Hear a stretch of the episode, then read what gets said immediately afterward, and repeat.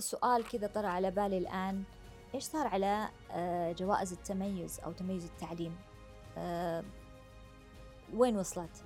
آه، لما إحنا نقول نبغى معلم يدرس مهارات التفكير نبغى معلم وطالب يفكروا خارج الصندوق يصطدمون بتعاميم. وأنا ما أعطيت الأدوات الإدارية أو البيئة الإدارية المناسبة لهذا. إذا معناته لازم نعيد النظر.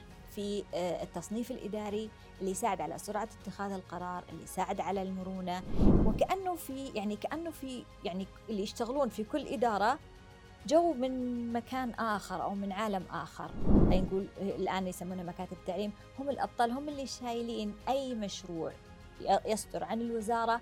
هم اللي يتابعوه هم اللي ينفذوه. يقولوا لي المبنى مستأجر وأنا قاعدة أدرس في مطبخ. قلت لهم أنا قد درست في مطبخ وما تزرعوا. هو ما سوف تحصده بمعنى أنك إذا زرعت شعير في المحصلة لا تتوقع أنك بتحصد عنب. لا هو بيطلع شعير.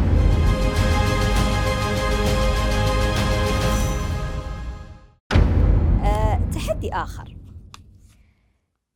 أه خلينا نقول الآن عندنا أه الاهتمام بالجانب النفسي لمن يعمل في التعليم. آه، الاهتمام بمتطلباتهم آه، إعطائهم آه، أو إنهم يشعروا إنه ما يقوموا فيه هو عمل مهم جدا. وهنا يجي دور لماذا؟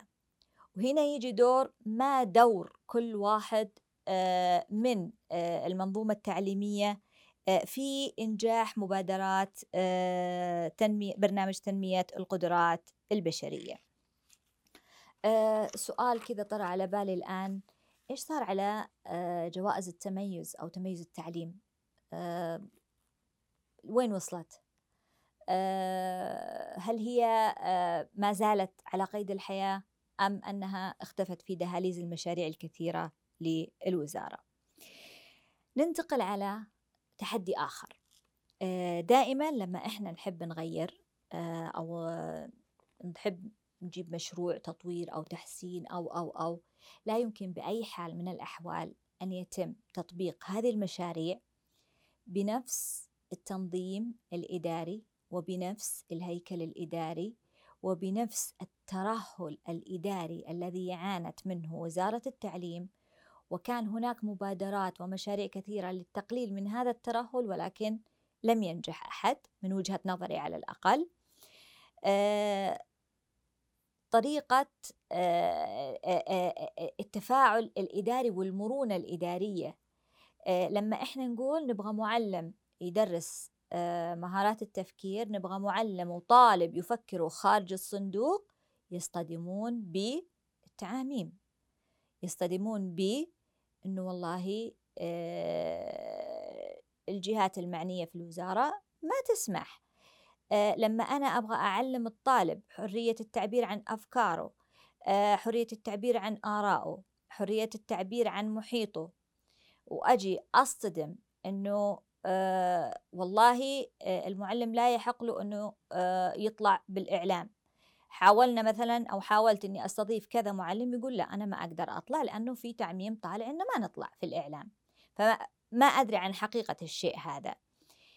إذا معناته هنا لما أنا أبي آه، أو لما يكون في عندي تغيير في آه، آه، المنظومة التعليمية يكون عندي مبادرات تطوير تهدف إلى تغيير في المخرجات التعليمية عندنا في الطالب كيف أنا بأطلع بمخرجات أطمح لها أنها تساعد على التفكير وإلى آخره وأنا ما أعطيت الأدوات الإدارية أو البيئة الإدارية المناسبة لهذا؟ إذا جاء معلم بفكرة جديدة يصطدم يقول إنه مثلا مدير المدرسة ما هو فاهم إنه هذه طريقة جديدة في التدريس وإنه التعميم يقول لا تطلع الطلاب في ال في ال في, في ال مثلا في ساحة المدرسة مثلا على سبيل المثال. والله جاينا مثلا آه تعميم يقول ممنوع إنه في رحلة مدرسية كذا كذا. مثلا أنا هذا مثال يعني ما أحيانا في الأمثلة واقعية وأمثلة لا. بالتالي أنا كيف أبغى أضمن نجاح مخرجات هذه المبادرات التي ستطبق؟ لما أنا أقول أنه بتكون تعليم رياض الأطفال حجر أساس عندي. هل آه النظام الإداري في رياض الأطفال عندنا آه يسمح باستيعاب جميع هؤلاء الطلاب؟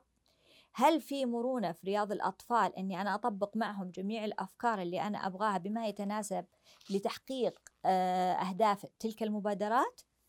آه، هنا أيضا في التفاعل إدارات التعليم مع إدارات المدارس. خلينا نتكلم عن التنظيم الإداري وكثرة الإدارات. يعني كل شوي يعني ما في آه، اللي هو التنظيم الأفقي. اللي هي يساعد على سرعة اتخاذ القرار. لا كل التنظيم عمودي. إذا التنظيم الإداري ما يساعد على سرعة اتخاذ القرار. آه، ما في مرونة في اتخاذ القرار.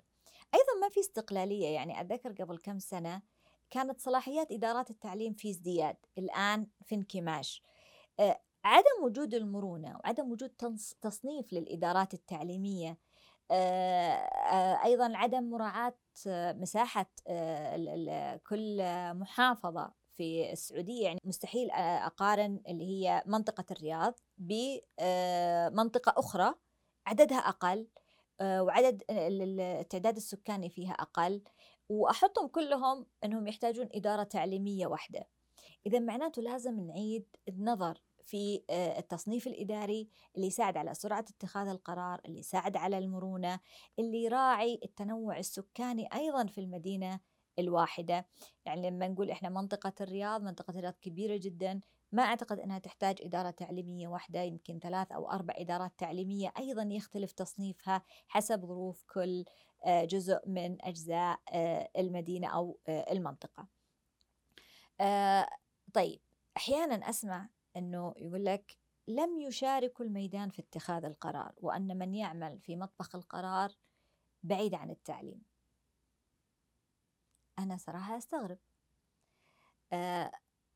جل من يعمل في مطبخ القرار هم أبناء الميدان التعليمي هم أبناء المدارس.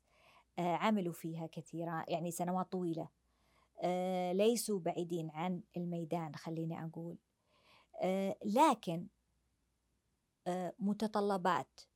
كل مكان يعمل فيه الشخص تجعله يغير طريقة تفكيره. لهذا أشوف صراع غريب بين المعلم والمشرف المدير والمعلم مكتب التعليم والإدارة إدارة المنطقة إدارة تعليم المنطقة إلى آخره. هذه الصراعات وكأنه في يعني كأنه في يعني اللي يشتغلون في كل إدارة جو من مكان آخر أو من عالم آخر. كلهم خرجوا من المدارس كلهم خرجوا من البيئة التعليمية ومن الميدان التعليمي ومدركين تماما للمصاعب اللي موجودة في الميدان التعليمي. ولكن مستوى النظر قد يبتعد أحيانا. كلما انتقلت إلى إدارة أعلى سوف تكون بعيدة عن الميدان المباشر وبعيد عن متاعبه والصعوبات والتحديات اللي أنت كنت يعني تعايشها وموجود معاها. بتصير نظرتك أبعد ليه؟ لأنك أنت غيرت المكان. لكن حقيقة آه، من يصدر القرار ومن يصنع القرار؟ جميعهم أبناء المنظومة التعليمية وجميعهم أبناء الميدان التربوي وليسوا بعيدين عنه نهائيا.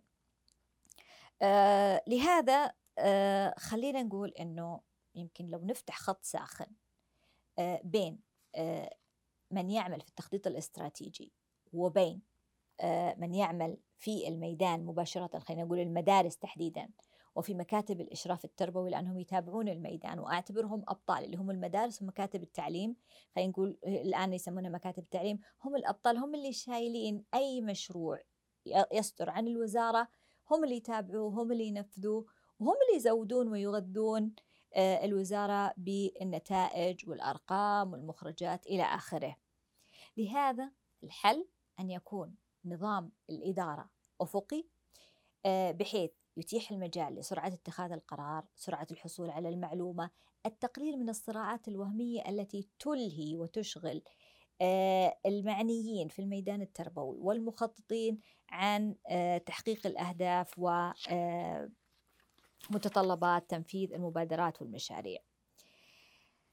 هنا خلينا نقول آه ما تزرعه أو ما تزرعه هو ما سوف تحصده.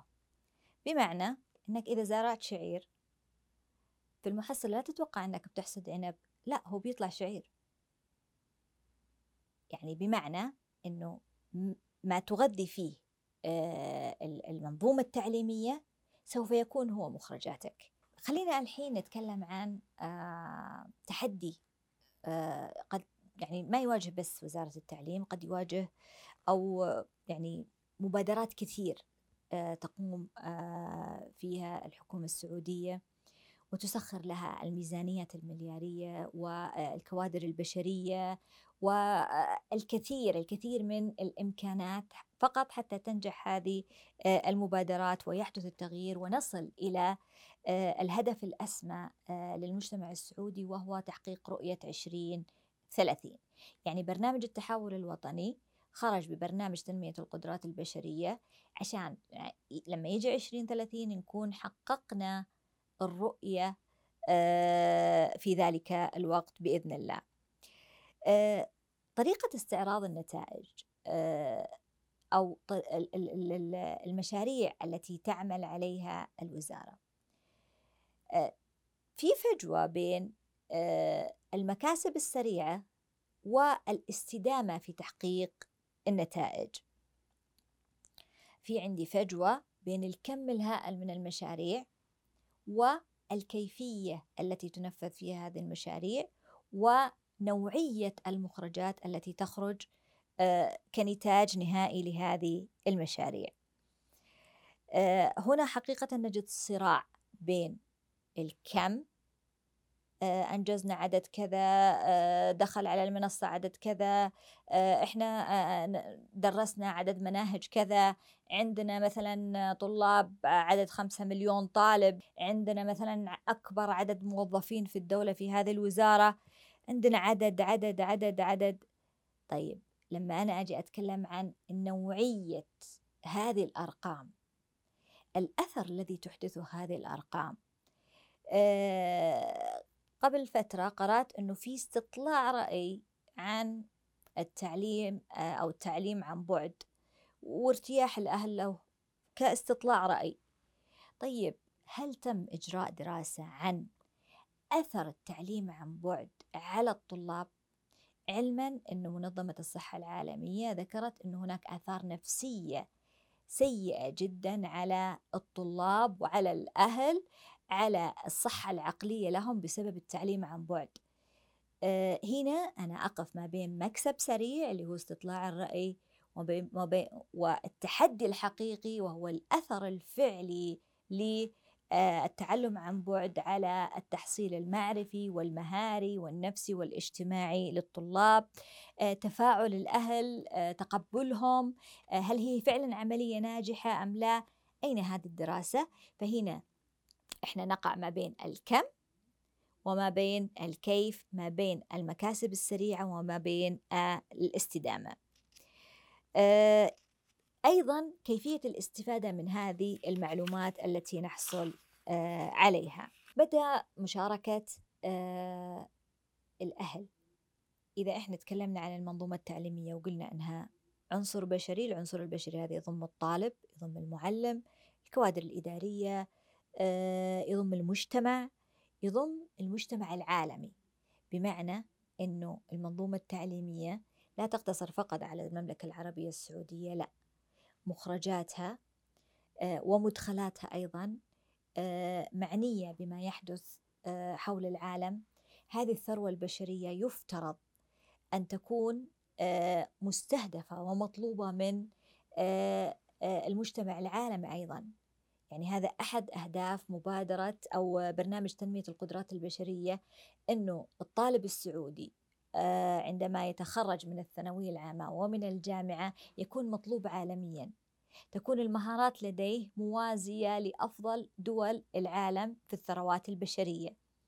إذا معناته المنظومة التعليمية هنا لا تقتصر فقط على المجتمع المحلي. آه لهذا في تحدي كبير بين آه إنه أنا أوعي الأهل بأهمية هذه المبادرات بأهمية هذا البرنامج آه لماذا نحن نحدث التغيير؟ ما دور الأهل في هذا البرنامج؟ أنا كأم وغيري كأب آه إيش دورهم في هذا البرنامج؟ آه هل هم بيستمرون بالطريقة التقليدية في التدريس؟ إنه الطالب والله آه، يترك على كيفه ما في برنامج محدد لمتابعته الاستعانة بمعلم خصوصي أو مدرس خصوصي يجي البيت آه، عدم الاهتمام بمتابعة آه، الابن أو الابنة أو إنه ما يكون في تواصل مباشر بين المدرسة وبين الأهل عدم إدراك الأهل لأهمية هذا البرنامج وأهدافه. لن يكونوا أداة جيدة في المساعدة على تحقيق هذه الأهداف. لن يكونوا آه، ميسر لتحقيق هذه المبادرات. لما تسمع الأهل وشكواهم آه، تستغرب. يعني مثلا لما يجي أب يقول أبغى أسجل ابني في المدرسة اللي جنبي المدير يرفض لأنه المدير قاعد يستهدف أو مدير المدرسة قاعد يستهدف الطلاب الممتازين عشان يحقق مركز متقدم لأنه حرص على الأرقام دون أن يهتم برسالته الأساسية وهي تقديم الخدمة التعليمية للطالب وقام بتوجيه الأب أو عدم آه، قبول هذا الابن في المدرسة لأنه مستوى جيد جدا أو جيد أو ضعيف إلى آخره. هذا الأب أي تغيير قادم ما راح يكون أداة مساعدة على تحقيق أي مبادرة أو أي هدف لأن الرسالة الحقيقية للمدرسة بالنسبة له لم تتحقق. آه، لما يكون مثلا تواصل الأب مع إدارة المدرسة صعب أو مع إدارة التعليم صعب لما يكون عنده شكوى لما يكون ما هو فاهم ليش ابنه قاعد يدرس التفكير الناقد لما يكون ما هو عارف ليش ابنه قاعد يدرس لغة إنجليزية أو لما ينصدم إنه هذه المناهج كلها قاعدين يدرسوها المعلمين كيفما اتفق وإنها زيادة حمل وعبء. لما الأب والأم ما هم فاهمين إيش الهدف من ساعات النشاط اللي تم إلغائها وأنا حزينة جدا لأنه ساعات النشاط المدرسي فكرة جميلة جدا آه، تحطمت على صخرة التطبيق والتنفيذ. ساعات النشاط هذه مساحة حرة لإبداع الطلاب وإبداع المعلمين مع طلابهم في المدرسة. لكن إحنا آه، تعامل معها المجتمع كحمل أنه بيأخر المعلم والمعلمة من الخروج مبكرا. إنه الأب والأم لما يرجعوا من دوامهم والله ما راح ياخذوا أبنائهم بالوقت المعتاد لأنهم ما فهموا لماذا. آه هذه التحديات أتمنى إنه ما تواجهها مبادرات برنامج تنمية القدرات البشرية الخاصة بالتعليم العام. آه فكرة آه، رياض الأطفال كانت فكرة قديمة ولكنها فكرة قديمة متجددة لأن هناك إيمان تام من القيادة عندنا آه، من خادم الحرمين الشريفين وولي العهد. الله يطول بأعمارهم يعطيهم الصحة والعافية ويوفقهم. عندهم إيمان بأنه ما تزرعه سوف تحصده. لهذا البدء من آه، رياض الأطفال مهم جدا. كان في هناك محاولات كثيرة. ولكنها لم تنجح؟ لكن أتمنى أن تنجح هذه المرة بعيدا عن الروضة الافتراضية ولكن في الميدان في البيئة المدرسية الجيدة في المباني المدرسية الجيدة آه، كان دائما لما يتذمروا المعلمات أيام ما كنت مشرفة يقولوا لي المبنى مستأجر وأنا قاعدة أدرس في مطبخ. قلت لهم أنا قد درست في مطبخ. البيئة غير مهمة. قالوا ولكن إحنا دولة نفطية غنية. قلت ما يخالف. أحيانا يكون في ترتيبات معينة في الميزانية إحنا ما نفهمها.